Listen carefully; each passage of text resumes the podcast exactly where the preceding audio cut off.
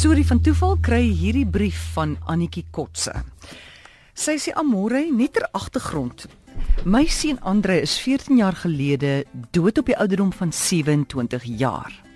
Nou my storie van vandag. Ek was nou onlangs bespreek vir 'n rugoperasie. Dit was die 9de Januarie hierdie jaar.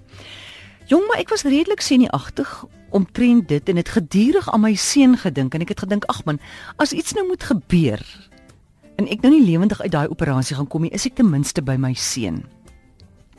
26 Desember 2016 gaan gooi ek petrol in en daar staan toe 'n jong man wat regtig lyk of hy hongers en honger en dors het. En hy het onmiddellik my aandag getrek en in my hart het ek net gevoel, "Heng, dit kon my kind gewees het."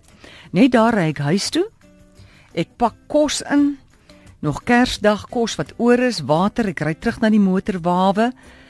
Weg is die jong man. Ek soek hom toe oral en toe ek hom weer sien, roep ek hom nader.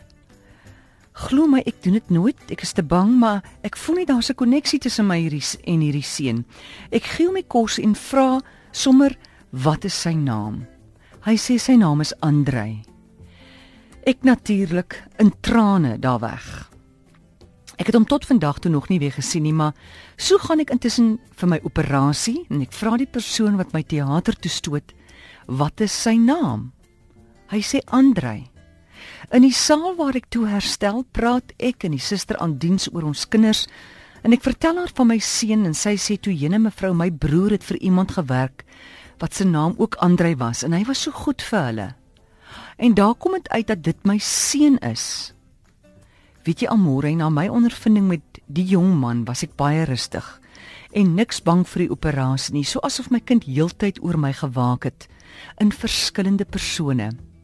Was dit alles blote toeval? Ek dink tog nie so nie.